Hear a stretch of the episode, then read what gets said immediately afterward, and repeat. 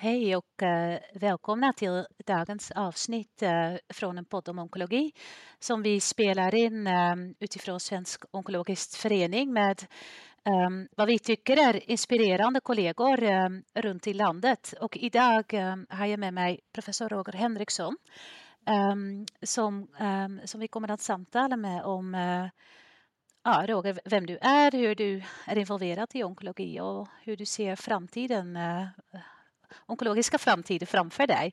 Välkommen, tack att du ville ställa upp dig och, och vara med idag. Tack ska du ha Renske. Mm. Och um, jag tänkte att, um, att, att, fråga, att börja fråga dig om du vill introducera dig själv uh, genom att berätta vem du är och hur du har jobbat inom onkologi.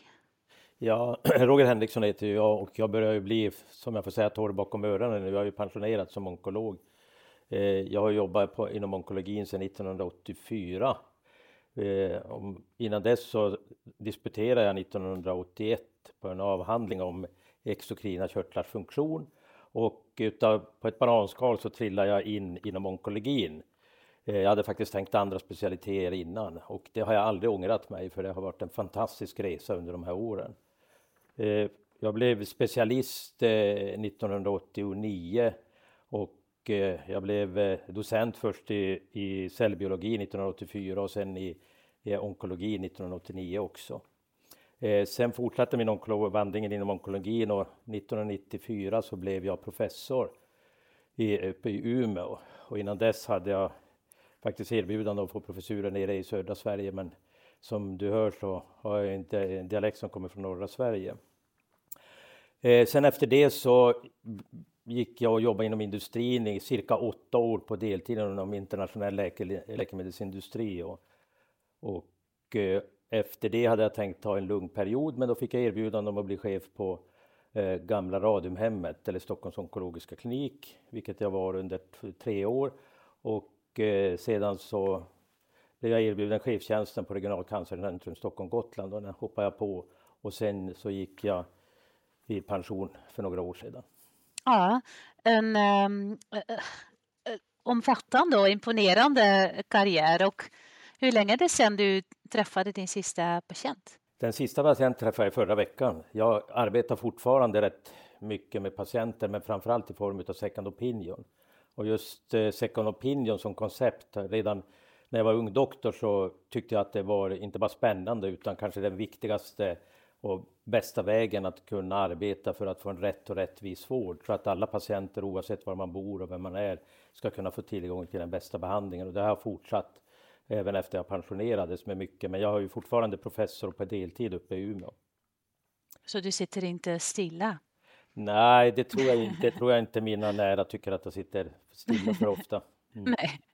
Vad, ehm, för det är intressant vad du säger med, med second opinion. Eh, och ehm, Eh, Eh, för, för vem är det viktigast då? Är det viktigast för patienter eller för onkologer att det finns möjlighet till second opinion?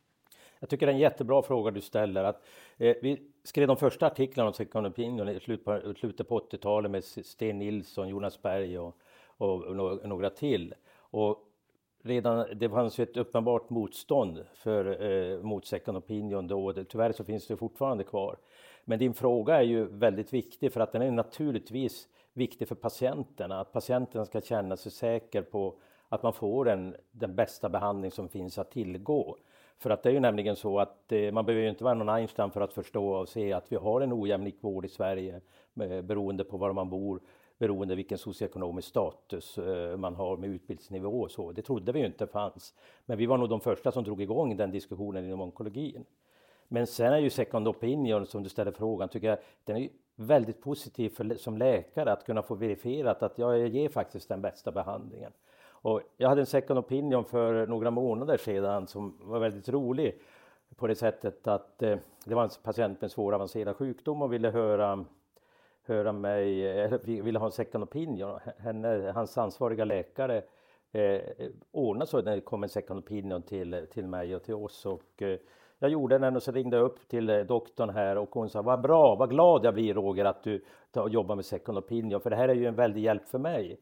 Och det tänker man inte så många gånger att i en sån här situation med svårt sjuka patienter så, så är det ju en hjälp att kunna få stöd utav en annan kollega också. som är oberoende. Det är viktigt att man ska veta att en second opinion ska vara oberoende. Eh, det är ju inte så att en del har jag hört säga, men vi har en multidisciplinär konferens och de är så bra. Jo, de är, de är ju bra i de flesta fall, men, men det är inte samma som en oberoende second opinion. Mm. Mm. Så, jag håller helt med dig. Jag tycker också att, att det är en grundrättighet för patienter att få möjlighet att få en second opinion. Men jag har noterat själv att många patienter känner en tröskel att, att begära en second opinion. Att de känner att de sviker sin egen läkare. Precis, och det, det, och det är en del läkare som faktiskt, de flesta reagerar på, tycker jag, ett vettigt sätt. Men tyvärr har vi en del kollegor som, som ser det som att man, eh, man ifrågasätter kompetensen och så. Och, eh, Eh, och det är en del patienter som då är rädda för att eh, man vill inte skada sin egen läkare som man uttrycker det. Mm, mm. Tycker du Roger att det är bara patienter med sällsynta sjukdomar som, eh, som, som blir hjälpt eller som drar nytta av second opinion? Nej, egentligen så det är ju självklart det som man tänker för första hand där vi inte har så mycket att erbjuda från början. Men det största antalet som jag har haft det senaste året är nog vanliga sjukdomar som bröst och prostat och kolorektalcancer. Hur, hur skulle vi som, um, som, som eh, utifrån yrkesföreningen eller eh, eh, onkolog, onkologgruppen kunna vidareutveckla eller facilitera det där systemet med second opinions, tycker du?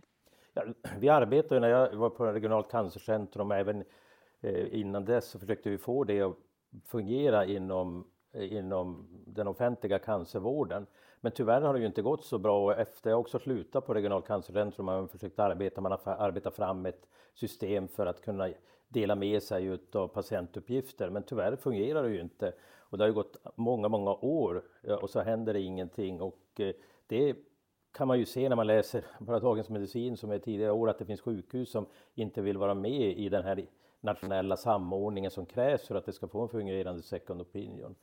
Eh, men sen som jag funderar väldigt mycket så tror jag att det är väldigt viktigt just det här att man tänker att second opinion ska vara oberoende. Det ska inte vara som Renske att du skickar till exempel en patient till mig för att vi känner varandra eller så, utan det ska vara att någon som har en oberoende situation eller eh, till, till eh, den ansvarige läkaren. Och då, då, måste man se till att det också fungerar inom den offentliga vården. Och jag är definitivt, och det vet alla som känner mig, för att jag vill ha en stark offentlig sjukvård. Men det är bara att se, vi har ju en ojämlik vård trots att vi ska ha en stark eh, offentlig sjukvård. Och då har ju inte den offentliga sjukvården lyckats så bra med, med det här, det måste ju alla erkänna. Och då måste man söka alternativa vägar och då kanske det kan vara att man kan samarbeta med eh, någon form av privat organisation eller verksamhet. Om det inte funkar som det faktiskt är förhållanden nu i den offentliga vården. Alltså du menar att man skulle kunna fundera på att på ett privat initiativ för att erbjuda second opinions? Ja, det finns och det är ju ingen hemlighet att jag har varit med, och, eh, varit med på det här också, fått på huvudet för att jag eh, har varit med inom, inom privat eh, område för det här. Men det bästa vore ju om det funkade bra inom offentliga vården. Och där hade ju regionala cancercentrum kunnat spela en stor roll. Precis det arbetet startade vi redan 2011 eh, när jag blev chef, eller 2012 var det kanske, när jag blev chef på eh, regionala cancercentrum så försökte vi göra det här. Men det har varit svårt därför att det finns ett inneboende motstånd eller ovilja att genomföra det här. Och det tror jag mina efterkommande kollegor på RCC har noterat nu också att det är inte så lätt att få det att fungera. Ja, vi kan prata lite mer om det kanske senare. Det, det är väldigt intressant eh, men utmanande också förstår jag. Kan du, för, för när du berättade om din karriär och du, du var inne på att bli någonting annat än onkolog först. Hur, hur blev det så att det blev onkologi och varför, varför är det så eh, givande för dig att jobba med, inom onkologin eller med cancerpatienter? Ja, jag hade funderat, funderat både på psykiatri och internmedicin hade jag ett ST-block egentligen redan och då träffade jag den dåvarande chefen eh, och professorn på onkologen i Umeå och, och eh, som tyckte att jag skulle testa på det här och han rekryterade mig också dit för att jag skulle vara med och bygga upp forskningen. Och eh, då tyckte jag det var bra, just den här onkologin, att det förenar både, tycker jag, tung naturvetenskap med just den själsliga biten som jag tycker är oerhört spännande och utmanande som möter både i privata livet men då framförallt inom professionen. Så att onkologin har så mycket att göra, allt som jag säger från tung naturvetenskap till tung eh, psykiatri egentligen och det har alltid intresserat mig. Och det, har, och det har jag också tagit uttryck sig i min forskning att jag borde ha haft doktorander som varit psykologer, sjuksköterskor och eh, experimentalforskare. Så det är en kombination av många olika områden egentligen? Ja, och det finns ju mycket att göra och det är ju en fantastisk utveckling. Tänk, när jag började som onkolog så hade vi ett eller två, om vi hade ens, det användes ju inte rutin vid behandling av lungcancer och maligna hjärntumörer, ett till två medicinska medel. Idag har vi ju hur många som helst egentligen. Det är bara ett exempel på hur spännande området är och jag har aldrig ångrat just onkologin. Det har varit oerhört spännande och roligt på många sätt. Ja, det är otroligt dynamiskt. Och när du tittar tillbaka, vad, vad tycker du har varit största, mest framgångsrika utvecklingen hittills? Ja, det är naturligtvis kan man inte komma ifrån att eh, utvecklingen inom medicinsk behandling med immunterapi, att eh, Sten Nilsson som jag nämnde, vi gjorde en av de första randomiserade studierna inom immunterapi på njurcancer med interleukin 2 interferon och då fick vi ingen skillnad. Det var en randomiserad placebokontrollerad studie Eh, om det var 90, slutet av 90-talet och då eh, jämförde vi med placebo eller tamoxifen mot interleukin 2 interferon och fick ingen skillnad. Och nu ser vi vilken utveckling immunterapi har haft eh, och det tycker jag nog är en del. Men samtidigt när jag brukar få den här frågan tidigare så tycker jag att det är en av de största och mest eh, roliga sidorna av utvecklingen. Det har också varit det ökade patientperspektivet som vi har. Att vi pratar om personalized medicin när vi vi pratar i, i termer av medicinsk behandling, men just den personalized medicin inom att ha, hur vi tar hand om patienterna. Där tycker jag det har varit en fantastisk utveckling. Även om det finns naturligtvis kvar mycket att göra så där tror jag nog att man måste säga att det har varit en av de största förbättringarna under den tid jag har varit inom onkologi. Och då menar du framförallt behandlingar som vi har våra patienter att erbjuda eller menar du också hur vi tar hand om dem? På ett bredare sätt än bara ja, precis. läkemedel. Ja, ja, ja. Ja, precis. När jag blev chef på Radiumhemmet så fick jag skriva en artikel om just individualiserad terapi. Det är inte bara farmakologi utan det är också hur vi bemöter och eh, tar hand om våra patienter just på den själsliga biten. V vad ser du som dagens cancervårdens största utmaningar som vi har att göra med idag? Ja, det är ju, det är ju naturligtvis att tillgång till resurser, tillgång till eh, tillräckligt med händer och fötter eh, som tar hand om våra patienter och som kan ge både medicinska behandlingar och så ta hand om hela perspektivet på patienten. Men det är inte bara att det är inte självklart att vi bara ska öka antalet utan vi måste ha rätt kompetens och, eh, i de olika situationerna. Här tycker jag kanske trampa en annan på tårna, men jag tycker det har varit väldigt mycket fokus på till exempel sjuksköterskor inom vården överhuvudtaget och det behövs sjuksköterskor, det är inget fel i det. Men jag tror mycket av sjuksköterskornas jobb, och även läkarnas jobb, skulle faktiskt kunna tas om hand om av annan personal eller, eller annan kompetens. Kompetens som man inte nödvändigtvis behöver gå tre, fyra år på högskola för att kunna klara av eh, på, på ett helt annat sätt eh, än vad vi gör idag. Jag tror vi skulle kunna få en billigare, effektivare vård om vi försökte även involvera annan kompetens. Och vilken, vilka uppgifter eh, tänker du på då till exempel? Jag tänker både det patientnära arbetet. När jag började inom vården så hade vi vårdbiträden och undersköterskor i mycket stor utsträckning som tog, som tog hand om patienten, hade tid för patienterna på ett helt annat sätt än vad eh, sjuksköterskor och läkare ges tillfälle idag den typen av eh, personal som jag tycker man ska ha. Men sen kommer vi att behöva nya kompetenser, ingenjörer, eh, bioinformatiker, genetiker och sånt som vi måste ta en hjälp eh, för att kunna välja rätt behandling till patienten. Ja, ja det blir helt nya utmaningar och lösningar som, ja. som behövs.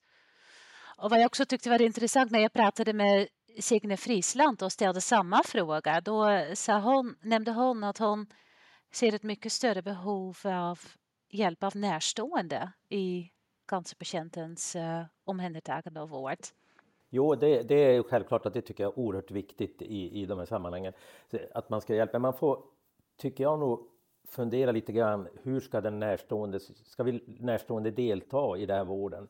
Eh, och det får ju inte bli som det är i många länder att man närstående utnyttjas till att göra egentligen det som vi uppfattar är personalens arbete idag på vårdavdelningar. Där den närstående ser till att patienterna får mat och allt annat. Då är vi farligt ute tycker jag. Att eh, närstående ska naturligtvis engageras på olika sätt men, man får, men det är ju ändå vården för att vi är ett samhälle, vi ska vara ett välfärdssamhälle, ett humant samhälle som tar hand om varandra. Då ska vi också kunna ha resurser som vi sätter av till det. Närstående ska finnas med som ett stöd till patienten men, men vi ska vara försiktiga hur, vi, hur, hur det så att säga utvecklas och utformas. Mm. En annan sak som jag är nyfiken på Roger, det är, det är det där som vi var inne på med jämlik vård. Hur, hur ser du på det? Hur kan vi bli bättre på det i Sverige? Ja, det är ju, jämlik vård har ju att göra med många facetter. Naturligtvis speglar det ju samhället i stort. Att, eh, hur, hur resurser ser ut. Att det är ju bara i Stockholm som när vi jobbar inom RCC så startar vi väldigt många projekt ute, de är för, ute i förorterna med stora invandrargrupper. Och det är inget snack om saken. Vi såg ju att människorna togs hand om på olika sätt från de mer väl etablerade, välsituerade eh, förorterna till eh, stadsdelarna och så jämförde vi med på andra ställen som jag inte behöver nämna namn på för man ska inte stigmatisera någonting. Men det finns en oerhört stor skillnad i det. Och det som vi kom fram till det var att man måste sätta in extra utbildningsinsatser för det finns ojämlikheten består ju också utan kulturell skillnad när det gäller invandrargrupper. Att vi mötte vår personal när man ringde till, eh, till, hem till patienten och försökte få dem till screening, till bröstcancerscreening, eller underlivsscreening eller HPV-vaccinering. Så, så, så svarade många gånger mannen i telefon och sa att det här behöver inte min fru, det här behöver min inte dotter. Och, vi måste, och det började vi försöka tackla det problemet genom mer utbildningsaktiviteter och, och, och så. Det, så vården kan göra det, men samhället måste ju se till att vi inte får den segregation som vi har idag. Så det är ju grunden till om vården ska kunna göra någonting åt jämlik vård. Så det är utbildning av, av, av människor, av samhället, men också av vårdgivare?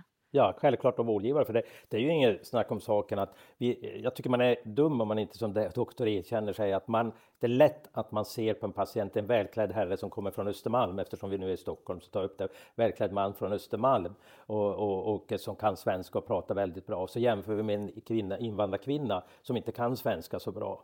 Det, det, vi måste, det, det, är en utmaning att kunna göra det som läkare, kunna ta och anpassa sig till de här situationerna. Och det, det tror jag att vi alla har eh, behov att, att fundera över. Ja.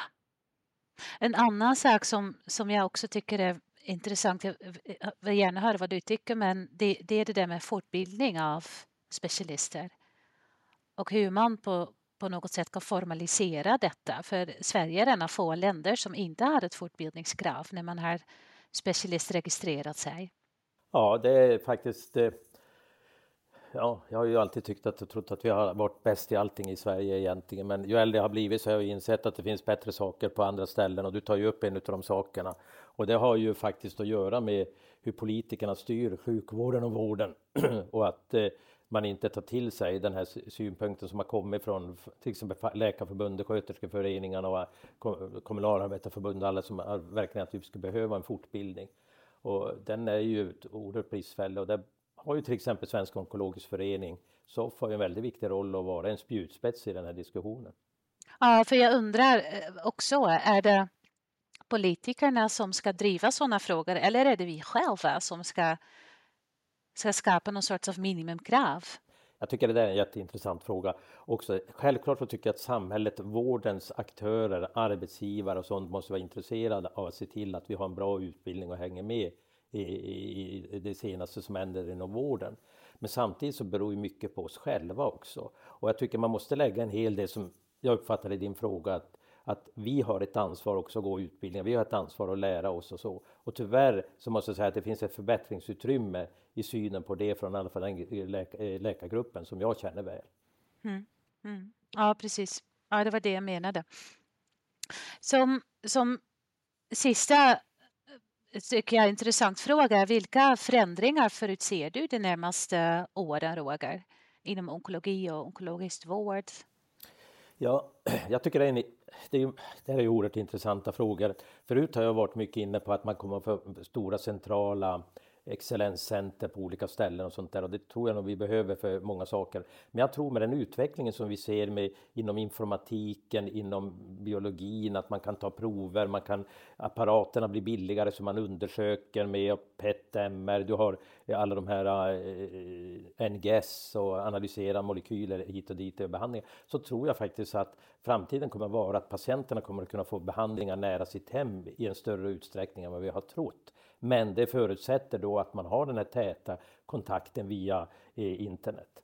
Och en av de sakerna som jag i alla fall tillhör de som har varit väldigt positiva över det här med eh, om man nu får säga det positiva med pandemin, var ju att jag lärde mig att jobba med eh, eh, alla de här internetverktygen, Teams och, och eh, Zoom, alla de här som, som finns. Och det fungerar faktiskt. Jag har en hel del, jag, eller flera, många gånger har jag faktiskt mina patientmöten via, via internet. Och både patienterna och jag uppskattar det. Så det tror jag vi kommer att måste lära, lära oss. Att, att inte patienterna behöver resa så mycket som man, jag, i alla fall jag har trott förut att man skulle vara tvungen till. Men så, ja, för en, för, för, en, för en klinisk bedömning kan man i alla fall delvis också göra via ja, det, ett digitalt Ja, jag tror, man, möte. jag tror man kommer att kunna göra men naturligtvis måste man ju ha direkta patientmöten och annat. Så det, ja. det är en självklarhet. Men särskilt för second opinions, för att komma tillbaka till det som vi började prata om. Ja. Det är väl också ett utmärkt eh, sätt att, att, att eh, ta second opinion? via, eller brukar du träffa alla patienter som, som kommer för second opinion fysiskt? Nej, det gör jag inte. Jag träffar de absolut flesta träffar jag på second opinion via internet och patienterna själv får välja och då blir det praktiskt många gånger så att man tar det via internet och det fungerar faktiskt, eh, tycker jag, väldigt väl för då har jag ju tillgång till alla patientuppgifter som patienterna har sett till att jag får tillgång till. Och sen har vi patienterna och så pratar vi om det här. Och sen kan man göra ett utlåtande då som patienten får och får ta med sig till den ansvarige läkaren. Så jag tycker det funkar alldeles ypperligt på nätet. Och, och för, det, för dig själv då Roger, för du berättade i början du har gått i pension men du är full aktiv, jobbar kliniskt, forskar, är med i olika initiativ. Hur kommer dina kommande år ser ut? Hur, hur kommer du att fortsätta jobba? Ja, jag vet inte. Jag, jag, sitter ju, jag sitter ju aktiv i forskning, men jag är ju, nu sitter jag ju inte något mer på labbänken. Jag sitter mer och eh, rådgivare skulle jag vilja säga i olika sammanhang. Jag sitter som ordförande till exempel i Sjöbergsstiftelsens vetenskapliga råd och det är ju en av de största anslagsgivarna till cancerforskning i Sverige och sånt där. Så det är väl den typen av aktiviteter som jag eh, ser. Men det är ju klart att med ålderns rätt och med ålderns eh, konsekvenser så ska man, måste man ju vara beredd att man eh, alltmer kliver åt sidan. Och det var ju därför som jag slutade. Jag slutade ju innan jag var, uppnådde pensionsåldern därför att jag tyckte jag skulle göra någonting annat. Och även, jag hade varit chef i sju, åtta år då på RCC och tyckte att andra kunde ta över. Men eh, så länge som man klarar av det så ska man ju fortsätta. Och jag tycker i Sverige, du tog upp, en av bristerna i Sverige är ju inte allt, eh, alltid att vi uppskattar åldern på det sätt som man gör i många länder. Även om man kan ha olika åsikter om det. Titta USA med Biden och hela representanthuset, så alla de människorna, hur gamla de är. Ja. Fauci. Ja, så, så, att jag tror att eh, jag tror man ska utnyttja äldre, men man måste också som äldre vara medveten om att kliva åt sidan. Ja, ja men, eh, men jag hoppas att vi kommer att kunna utnyttja din expertis och kunskap i många år framöver, eh, Roger. Det var snällt sagt. Tack för det, Renske. Tack. Tack så jättemycket att du eh, ville vara med och tog dig tiden att, eh, att, att berätta på det här sättet med oss, eh, Roger. Och jag hoppas att alla lyssnare kommer att njuta och inspireras av dina visioner och, och idéer. Tack så jättemycket. Det var kul att vara med och det här är verkligen en bra initiativ av dig och SOF. Tack.